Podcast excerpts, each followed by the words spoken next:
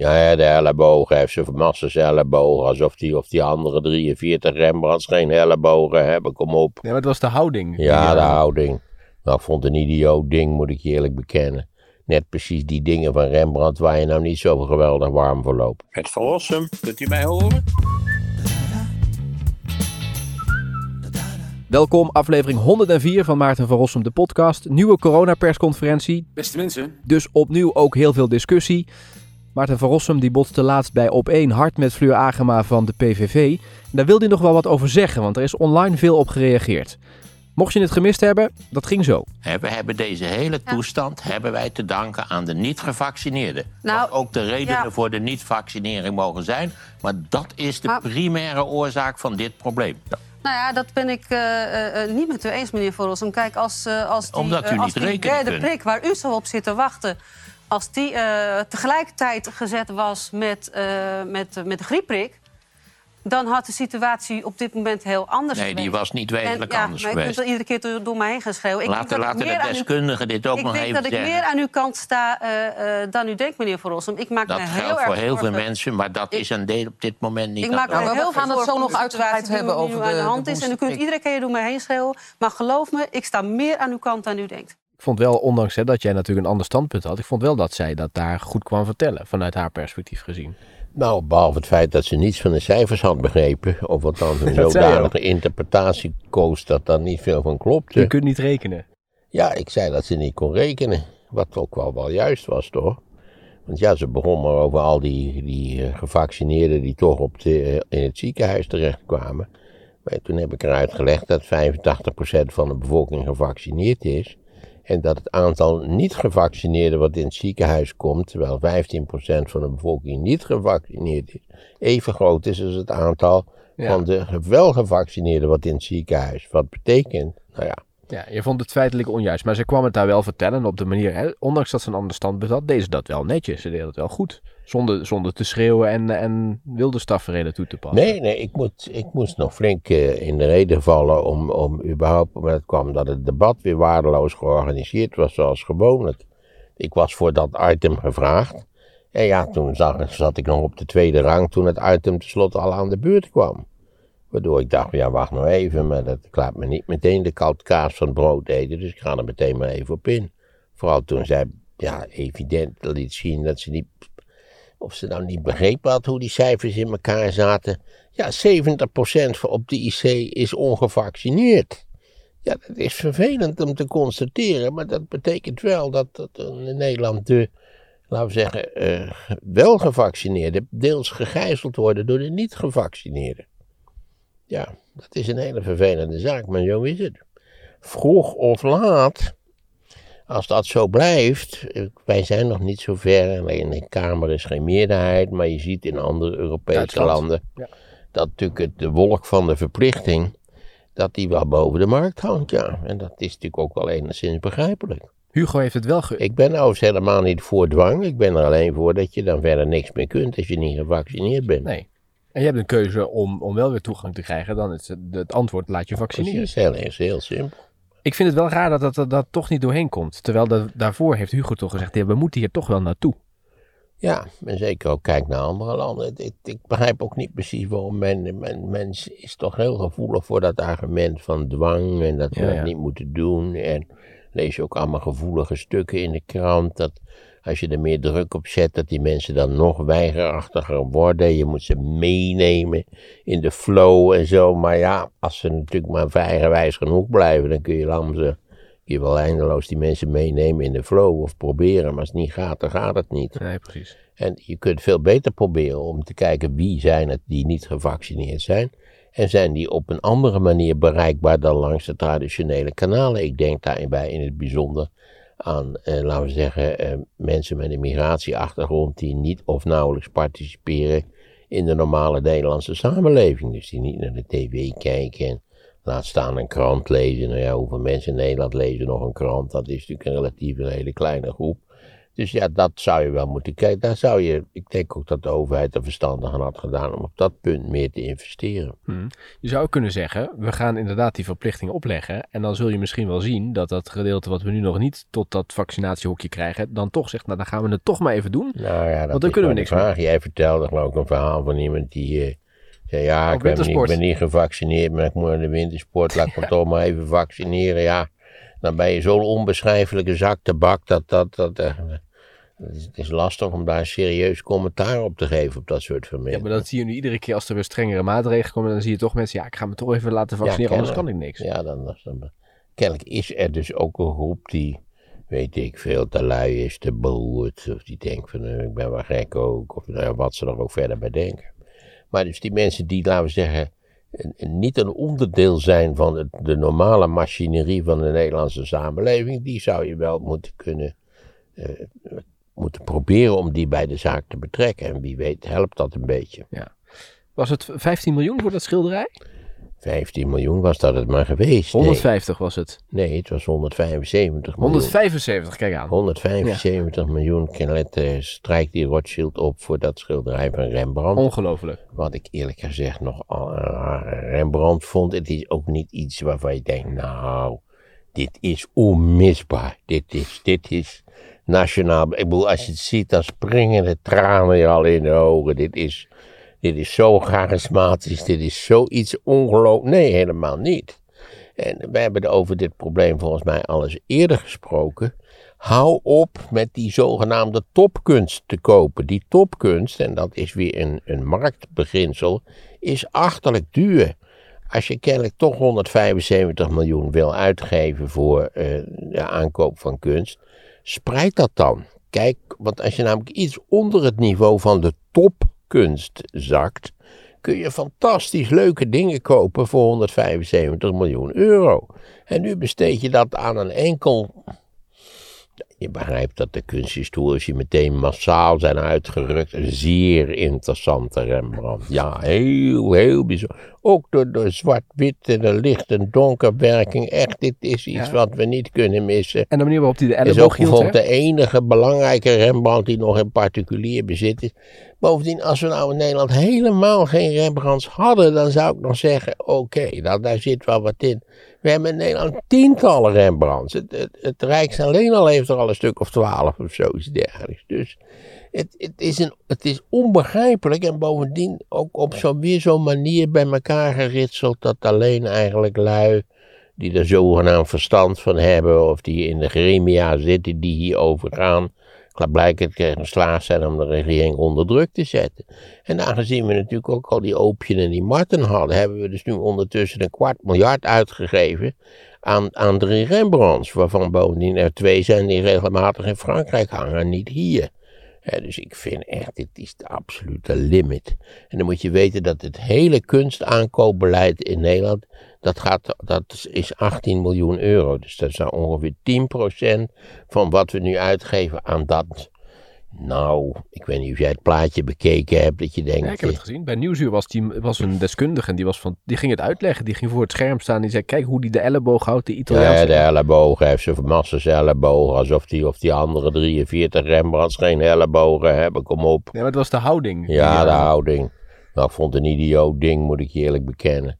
Net precies die dingen van Rembrandt waar je nou niet zo geweldig warm voor loopt. maar Maar dat is goed, met- dat is kunst. het, gaat, het gaat om de kwestie dat er 175 miljoen wordt besteed aan topkunst. Het woord alleen al irriteert me grenzeloos. Er is massa's enorm leuke, fijne kunst, interessant, gevarieerd te koop voor 175 miljoen euro. ja. Eh, ik gun dit graag aan meneer de Rothschild. En ook aan de Franse culturele traditie. Want je weet, de Fransen hebben er een moeite mee om het te exporteren. Eh, ja, omdat Rembrandt natuurlijk eigenlijk voornamelijk een Franse schilder is. Net als Van Gogh, dat weet je. Ja. Vrijwel alle beroemde schilders zijn feitelijk Franse schilders. Nou ja, even dit tussen haakjes. Ik, ik vond het een, eh, een volstrekt onjuist en buitengewoon betreurenswaardig beleid. Maar volgens Als dat geld er dan toch is, besteed het op een totaal andere manier. Maar in feite is het er alleen als je weer topkunst kunt kopen. We hebben ook, ook al in de tijd die, die, die, die Mondriaan in, nou ja, Hou op met die topkunst. Maar zij zijn bang dat het anders in, in de verkeerde handen valt. Zo wat. Wat mij betreft gun ik die, die Rembrandt als vaandeldrager gun ik graag aan. Wat is trouwens verkeerde handen? Japanse beleggers of zo? Of, of, of Chinese miljardairs? Of wat moet ik me daar precies bij Nou, ze willen het voorstellen? veilig stellen, zeg maar, voor, omdat ze het belangrijk vinden voor, voor het land Nederland. Daarvoor zullen ze het doen. En er zijn natuurlijk deskundigen die dat alleen maar beamen, die Nou, rondlopen. dat lijkt me onzin, want er is geen enkele reden dat het verkocht wordt aan iemand die het gaat versnijden of zo. Dus die denkt, ik vind die, vind die kop zo leuk, die knip ik eruit. Nee, dat zit, er, dat zit er toch helemaal niet in. Dat is ook een beetje kletskoek allemaal. Nee, besteed dat geld aan, aan het verbreden van je museale collecties. En niet aan een enkel topstuk. Geeft de minister hier eigenlijk goedkeuring voor? Denk wel met zo'n bedrag. Ik neem aan van wel. Ik bedoel, die, die, die 150 miljoen, dat dus wordt wat meegefinancierd door wat stichtingen en door het Rijk zelf. Maar 150 miljoen komt uit de staatskas, heb ik begrepen. Ja. Kortom, eh, jij en ik, eh, Tom, eh, doen ook een duit in het zakje. Ja. Hè, terwijl mij niets gevraagd is. We hebben niks te zeggen. De Tweede Kamer heeft ook gezegd, ja, als je dan toch zo'n aankoop doet, doe het. Jij zegt, je kunt andere kunst kopen, maar zij zeggen, steun die sector die het zo moeilijk heeft. Nou ja, dat is ook, dat is wat, maar kan wat mij betreft ook, maar dit is klaarblijkelijk een aankoopsubsidie, zo zou je het kunnen noemen. En dan zou ik zeggen, als die wens er is om, een, om het aankoopbudget te, aanzienlijk te verruimen, waar ik een warm voorstander van zijn, maar zorg dan dat je niet je geld verdoet aan topkunst. Hè, want dat, ja, je weet dat er elke week staat er weer een stuk in de krant. Nu het duurste schilderij ooit. eh. nu laatst was er weer een digitaal meesterwerk. Wat, nou ja, dat je ook denkt, allemaal onzin. Dit, Ja. dit, is, dit is allemaal sensatiezucht. Ja. Er, er is onder de markt van topkunst en alle lulkoek daarover is een hele interessante kunstmarkt waarop veel Ja. leuks te koop is. Wat hebben wij dan met z'n allen aan dat wij dit nu hebben als land? Nou, daar hebben we verder geen bal aan. Nee, maar ja, waarom doe je het dan als Kijk, land? het Rijks is een interessant museum. Het zal in het Rijks terechtkomen. Het is een interessant museum, maar het ligt aan de breedte van de collectie. Ja. Dat ligt niet aan die drie, vijf, vier of vijf topkunst Ja. eh, dingen. Ik vind sowieso dat gelul over topkunst enorm irritant. Hè? Je ziet dat ook in de grote musea. Ik heb al eens eerder voorgesteld. Hangen al die topkunst beneden bij de, in, in de aanloop naar de garderobe. Niet waar, dan kan iedereen meteen de topkunst zien. Dan kunnen ze meteen opdonderen. En dan kunnen mensen die werkelijk om schilderkunst geven, die kunnen dan de rest van het museum rustig bezoeken. Dus de nachtwacht mag wat jou betreft naar de garderobe. Ja, zeker. Zeker. Daar heb ik helemaal geen problemen mee. Ondanks het feit dat er een leuke ondertekening is ontdekt, heb ik daar helemaal geen problemen mee. Dat geldt ook voor de Mona Lisa en de hele zantenkraam. Nee. eh, Musea zijn interessant door de breedte van de collectie en door, door het beeld wat ze geven van een bepaalde periode en van een bepaalde stijl en zo. Niet door de topkunst. Niet door, de, niet door die kunst waar dan altijd zo'n drom van mensen voor staat. Die dan met de iPad het ding staat te fotograferen. Eh, koop een briefkaart of zo, weet ik veel. Misschien moet een keer een kunstkenner ons dit uitleggen wat eh, hier nou zo belangrijk Mijn, is. mijn ervaring is dat, dat eh, ik heb er geen hoge pet op van kunstkenners. Niet? Nee, in het algemeen niet. Ik, de, de, vooral de kunsthistorische wereld, die, die, die is gevangen in, in, in bepaalde preconcepties, in een idee over kanon, wat wel, belangrijk is en wat niet belangrijk. Als je op de kunsthistorici vaart, niet waar, dan mis je, dan mis je, laat ik het een beetje overdrijven, 80% van de interessante en leuke schilderkunst die ook bestaat. En hoe komt dat? Nogmaals, omdat de, dat de kunstgeschiedenis of de kunsthistorici, dat die hebben, een, een- hebben een kanon gedefinieerd. Zo, zo heeft de kunst zich ontwikkeld. Zo moet En- het. Zo is het Precies, zo moet het. Daar komt ook dat, dat waanidee vandaan, dat, de, dat de, de, de ontdekking van de abstractie een onvermijdelijk proces was. Ja. Helemaal niet. Nu komen we heel langzaam komen we terug van al die, al die rare kronkels die het modernisme ons eh, opgeleverd heeft. Laat er weer lekker fijn geschilderd worden. Oké. We hebben nog een eh, eh, uitnodiging van Netflix. Naar aanleiding. Netflix. Ja, die zit in Amsterdam en die wilde wel een keer uitleggen hoe dat nou precies zit. Dat ze zoveel kunnen streamen. Dus, eh, nou, dat is Oh ja, omdat ik altijd denk dat ik nooit begrijp hoe het zit. ja, Ja. hoe dat zit. Dus dat zijn, waarschijnlijk zijn dat heel veel, heel veel servers waar dat op staat. En dan gaat het naar alle Ja, dan moet ik natuurlijk ook, dan moeten we gaan ook uitleggen waarom Netflix al die leuke dingen niet doet die ik vind dat het wel zou Ja. moeten doen. Dat heb je al verteld. Ja, dat heb ik al uitgebreid verteld. En dan krijg je, ik had ook, je had ook op, je zet het kan best en zo. En mensen hebben mij ook wel gemaild hoe ik het moet doen. Voor ons heeft het geprobeerd. En wat krijg je dan? Dit is in uw regio niet mogelijk. Of dit, dit, dit kunt u niet ontvangen. Dus ja, misschien als je 26 half criminele bochten trekt met de computer. Maar daar heb ik geen zin in. Ik wil gewoon Nee. s'avonds naar een leuke film kijken. Oké. En wat mij betreft zijn veel leuke films uit de late jaren 40, 50, 60.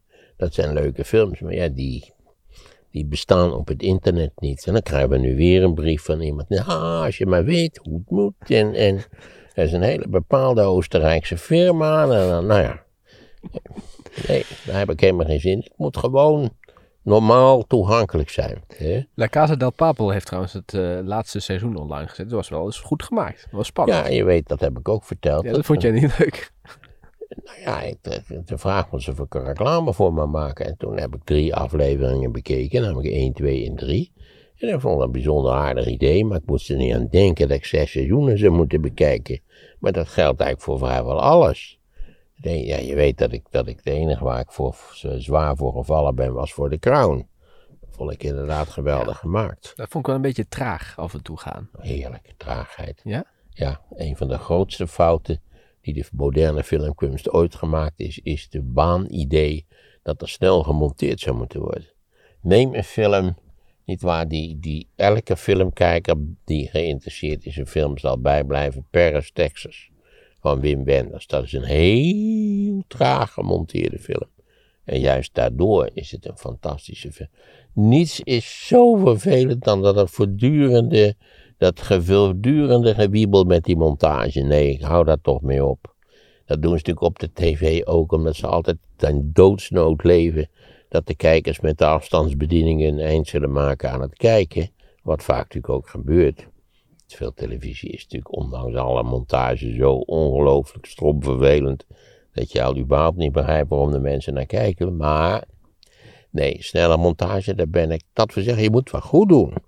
Dus die trage montage moet wel. Nou ja, elk, iedereen die verstand heeft van film kan je uitleggen dat dat al dat geflits met die montage stront Ja. vervelend is. Ik vond nog wel opvallend deze week dat Jan de Hoop Scheffer op die eh Borsato-geruchten ging reageren. Als voormalig secretaris-generaal van de NAVO. Ja, dat vind ik ook wel vrij vreemd. Nou begreep ik dus dat, die, dat niet duidelijk is wie die geruchten verspreidt. Ja, de Telegraaf En- die meldt dat er inmiddels aangifte is gedaan van seksueel misbruik tegen Marco Borsato door een jonge vrouw. Dus wordt De vervolgd. vraag is natuurlijk altijd waar dan zulke geruchten, geruchten vandaan kwamen. En Ja. wie heeft er voordeel bij om dat eindeloos te verspreiden? Ja, Het Ja. wordt kennelijk verspreid via, via kanalen die ik in ieder geval nooit gezien ja op heb. YouTube. De, de eh, eh, bo- borrel, nee, Roddelpraat heet dat programma. Die hebben, dat zijn twee jongens die praten met elkaar en die, ja, die roddelen. En die hebben dit. Dan zijn het schoften. Dat dat ze allerlei geruchten verspreiden die volkomen onjuist zijn. En die bovendien kwetsend zijn en, en schade kunnen berokkenen aan de betrokken persoon. Ja, Dan vind ik dat die luiders eh, inderdaad aangepakt moeten worden. ja. Nog een mooi verhaal uit eh, Vught, de zwaar eh, beveiligde De gevangenis. EBI. Ja, heb je het gehoord dat ze daar allemaal, Ja, ja, ja, dat heb ik gehoord. Ik geloofde er niks van. dat er geen helikopter meer kan landen? Nee, joh. Volgens mij dachten die, die, die misdadigers, weet je wat we doen? We, we gaan ze een beetje op stang jagen. We gaan ze, we gaan ze een, laten we hele die Taghi. Ja, precies. We gaan ze lekker bang maken. En inderdaad, nu hebben ze het hele binnenplein volgegooid, geloof ik, met strobalen, zodat er geen helikopters kunnen landen. We zouden aanwijzingen toch, dat, eh, dat er een ontsnapping Nou, geregeld zou zijn. Dat, ik betwijfel dat. Door de neef van Taghi, een van de neven zou dat dan moeten ja, gaan dat regelen. is wel een hele risicovolle operatie. En zeker met helikopters is dat allemaal heel, dat hoeft, dat, dat kan heel makkelijk misgaan. Ja. Het klinkt wel sensationeel als je het Ja, da- daarom, daarom. Het staat natuurlijk in alle kranten. Ik zou me ook niet verbazen als het gewoon uit de duim gezogen is door, door die, door, laten we zeggen, dit de criminele scene. Zo van, kijk eens wat wij kunnen verzinnen. Het was wel erg een beetje filmisch en Hollywooderig eigenlijk, het Ja. hele idee. Ja. Volgens mij moet je op een verstandige manier kunnen ontsnappen dan zo.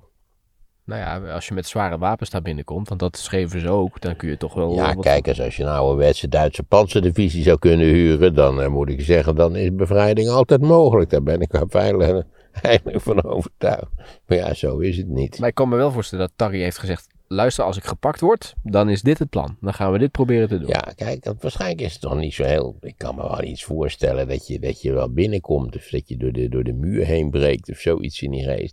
Het probleem is dat je weg moet komen. En waar, en waar ga je naartoe? Waar is die Taghi opgepakt? Daar in een van die, van die onbetrouwbare golfstaatjes. Hè? Je komt niet weg, dat is het probleem. Die andere pief, die, die, die, die naast de medewerker van, waar was die ook alweer? Die is ook ergens in een, Ja. in een ver verwijderd eh, bananenland is die, is die opgepakt. Dus het probleem is dat je kunt wel... Oeh, SD-card full, zegt hij nu. Ja, dat is altijd zo. Hoe de god nou aan toe. Terwijl we eigenlijk moeten we de Vietnam nog Ja. afmaken. Moeten we mee doorgaan, ja. Eh, nou ja, we moeten het een keertje afmaken, dat is het eigenlijk, hè. Dus laten we dat toch maar doen, want we waren blijven steken in het, in het eh, onaangename jaar. eh, Lyndon Johnson had de verkiezingen gewonnen van 64 en hoewel hij had geposeerd als de vredeskandidaat in dat jaar, wat wel zo makkelijk was omdat zijn tegenstander was Barry Goldwater en die vond geloof ik dat er maar flink met nucleaire wapens gewerkt of gedreigd moest worden, dus dat klonk al niet zo verschrikkelijk goed of eh, veelbelovend. Eh, maar Johnson had ook al in het diepste geheim plannen gemaakt om eh, de interventie in feite te escaleren. En dat is ook gebeurd in 65. Er landden dan de eerste Amerikaanse mariniers in Da Nang. Er waren overigens al heel veel Amerikaanse adviseurs, dat moet ik erbij zeggen. Ik weet niet of ik dat duidelijk had gemaakt. Dat, kijk, toen Eisenhower vertrok, waren er 600 Amerikaanse adviseurs in Vietnam. Omdat in principe het idee was, Vietnam moest een bolwerk tegen het oprukkend communisme worden. Eh, en Kennedy heeft het aantal adviseurs sterk uitgebreid, van 600 naar 16.000. Dus kortom, heeft er een serieus engagement van gemaakt. Hij komt niet weg. Veel van die Kennedy-bewonderaars zeggen, ja, hij wou dat eigenlijk niet. En liever had hij er een eentje gemaakt. En alle andere maar daar geloof ik niet zo verschrikkelijk veel van. Dus, en, maar nu komt komen er echt eh, gevechtstroepen aan land. Bij Da Nang komen de Amerikaanse mariniers aan land gezet. En men begint ook stap voor stap Noord-Vietnam te bombarderen. En wat zien we dan in de jaren daarop volgen? Niet waar een steeds verdere escalatie. Omdat in feite wat de bedoeling was, namelijk dat de Vietcong eh, een, een kopje kleiner gemaakt zou worden, eigenlijk niet bereikt wordt, ondanks de escalatie van de Amerikaanse gevechtstroepen daar.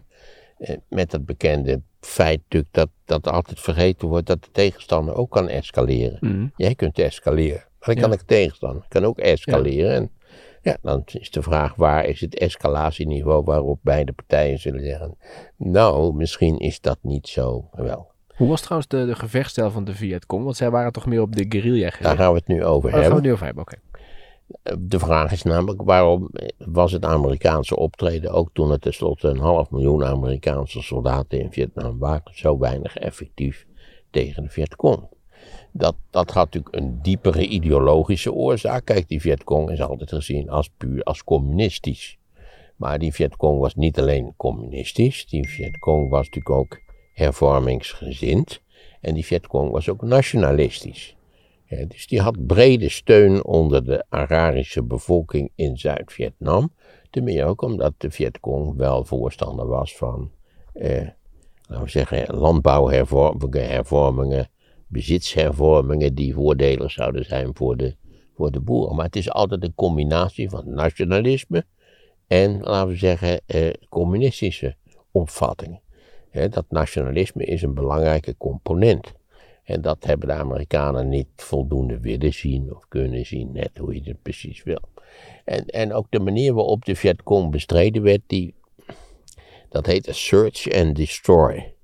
En, en search is and destroy, dat is misschien ooit het best samengevat door een Amerikaanse militair, die nadat de Amerikanen een heel dorp in elkaar hadden geschoten, zei van ja, we had to destroy the village to free it. Hè, we, moeten het, eh, laten we zeggen, we moeten het dorp in elkaar schieten om het te kunnen bevrijden. Eh, Search and Destroy kwam erop neer dat de Amerikanen dus besloten in een bepaalde regio eh, te kijken of daar Vietcong was. Dan werd er een enorme hoeveelheid vuurkracht gemobiliseerd. Maar ja, als de Amerikanen iets kunnen, is het schieten en bombarderen Vanuit de natuurlijk lucht, ja. vanuit de lucht, hoe dan ook maar. Maar het vervolg was natuurlijk dat zodra de Vietcong een snotje kreeg, dat er, niet waar, in die regio, in die streek, een forse Amerikaanse aanpak zou zijn, dat ze verdwenen. Ja, Zij smolten weg als sneeuw voor de zon. zou ik ook doen. Ja, dat zou iedereen natuurlijk doen. En daar komen we terug op het punt van guerrilla-activiteiten. Ja, de bestrijding was vaak voor de lokale bevolking een ramp, maar had weinig effect op de Vietcong in het zuiden van. Eh, een van de problemen natuurlijk van dat, van dat enorme geweldsgebruik op het, zuid, op het Zuid-Vietnamese pl- platteland was dat een groot deel van de plattelandsbevolking naar de steden vertrok. Waardoor er een soort rare eh, ontwikkeling in Zuid-Vietnam was, waarbij eigenlijk de steden al over, overgegroeid waren en het platteland deels verlaten vanwege de voortdurende geweldsdreiging. Eigenlijk even de punt als je kijkt later naar Afghanistan, idem dito. Hè, waar ook heel agressief met inzet van enorm veel geweld werd gezocht naar Taliban of andere opstandelingen. Ja, dat is allemaal hartstikke fijn, maar ten eerste is het heel moeilijk om ze te vinden, A. En B, is het de lokale bevolking die de meeste last van die pop, van die gewelddadige poppenkast van de Amerikanen heeft. Dus je maakt je er zelf ook niet populair mee. Hoe wist trouwens de Vietcong dat de Amerikanen gingen aanvallen? Nou, dat merkte je al ruimschoots van tevoren, want er werd er natuurlijk gebombardeerd en werden enorme artilleriebeschietingen uitgevoerd, dus dan, ja, dan verdween je. Ja, dat en je- bovendien kon je natuurlijk altijd in Vietnam, als je even weet hoe het land uit, in elkaar zit. Niet waar, is natuurlijk, er is daar zo'n zo'n gebergte, wat, wat ook grotendeels nog met rimboe berooid is. En bovendien kun je naar Cambodja en naar Laos Ja. verdwijnen indien noodzakelijk. Ja, maar de, de kunst is toch dat de Amerikanen, dat hebben ze ook in Afghanistan later toegepast, dat, ze, dat, dat is een verrassing moet dat zijn wanneer ze gaan aanvallen. Ja, maar dat is, als je zo grootschalig opereert als de Amerikanen, ben je zelden, ben je zelden verrassend bezig. Ze Ook niet vanuit de lucht. Nou, ze zullen wel eens een enkele Vietcong eh, Ja, verrast hebben, maar dus als geheel is wat je wat search and destroy werd genoemd, is, dat is geen groot succes geworden. Nou ja, Johnson had dat dus allemaal geëscaleerd. Hij zat er enorm mee, hij vond het afschuwelijk. Hij zag ook wel dat het, dat het een ramp was voor zijn, voor zijn op zichzelf heel bijzondere en, en, en speciale binnenlandse politiek, want daar was hij verschrikkelijk goed in. En dan komt het zogenaamde Tet-offensief.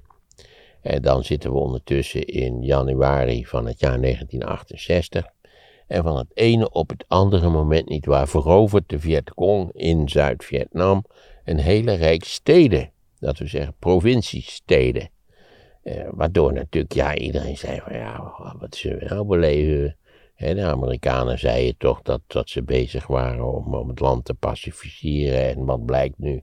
Het is helemaal 0,0 gepacificeerd. De Vietcong is in staat om weet ik hoeveel provinciesteden plotseling in te nemen. En om, om in Saigon notabene, ik geloof vanuit het fietsenhok van de Amerikaanse ambassade, de Amerikaanse ambassade onder vuur te nemen. Echt een vernedering. Ja, ja, hoe, hoe, zit, hoe zit dit eigenlijk? Nu is het interessante van dat Tet-offensief. Tet is het Chinese nieuwjaar, hè, of het boeddhistische nieuwjaar. Ik weet nou precies even. Altijd leuk om je te realiseren dat je op elk willekeurig moment in het jaar kun je nieuwjaar vieren als je daar lol in hebt. De Romeinen dacht ik op 1 maart, als ik me niet vergis, en wij doen het dan op 1 januari. Maar god, eh, ik zou het best lollig vinden om een keer af te spreken dat we het op 1 augustus doen. Ja, in de zomer. Waarom Ja, in de zomer heb je ook heb je veel, veel heel, heel goed idee. Laat, laat, laat maar een partij oprichten om nieuwjaar op 1 augustus te gaan vieren. Heel goed idee. Het Tet-offensief. Het wonderlijke is dat er is enorm gevochten na dat Tet-offensief. Het wonderlijke is, ik denk nu ineens weer aan die film, waar ik nu in principe nog steeds niet precies de naam van weet. Dat had ik er even op moeten zoeken vanwege vorige keer. Het wonderlijke is, uiteindelijk was het Tet-offensief een militaire nederlaag voor de Vietcong. De Amerikanen hebben al die provinciehoofdsteden, die hebben ze weer terugveroverd. Maar wat een militaire nederlaag was, was in allerlei opzichten een psychologische overwinning. Omdat, als het ware, het, touwtje was gebroken. De, als dit mogelijk was, ja, oké, ze hadden dan uiteindelijk wel verloren of de verkeerde keus gemaakt. Maar als dit mogelijk was, dan was het toch wel zaak dat men zich structureel begon af te vragen: moeten we hiermee doorgaan, ja of nee? Eh, De Amerikaanse bevelhebber in Zuid-Vietnam, eh, William Westmoreland, die zei van ja, wat die generaals namelijk altijd zeggen, stuur me nou nog honderdduizend man en dan, hè, victory is just around the corner. Echt waar, het is, een- het is nog even, nou niet, niet klein, zielig doen, gewoon nog even doorpakken dan, dan dat hij altijd al gezegd had en ongetwijfeld eeuwig zou blijven zeggen. En dat, dat leidt eigenlijk toe dat Johnson een, een aantal eh, geleerde oudere heren benoemt om eens uit te, uit te zoeken hoe het precies in elkaar zit. En die zeggen ja, eh, terwijl ze dezelfde heren nog een jaar daarvoor er nog warme voorstanders van waren, zo zie je maar weer. En die zeggen dan toch van ja, het is zaak dat je begint met onderhandelingen.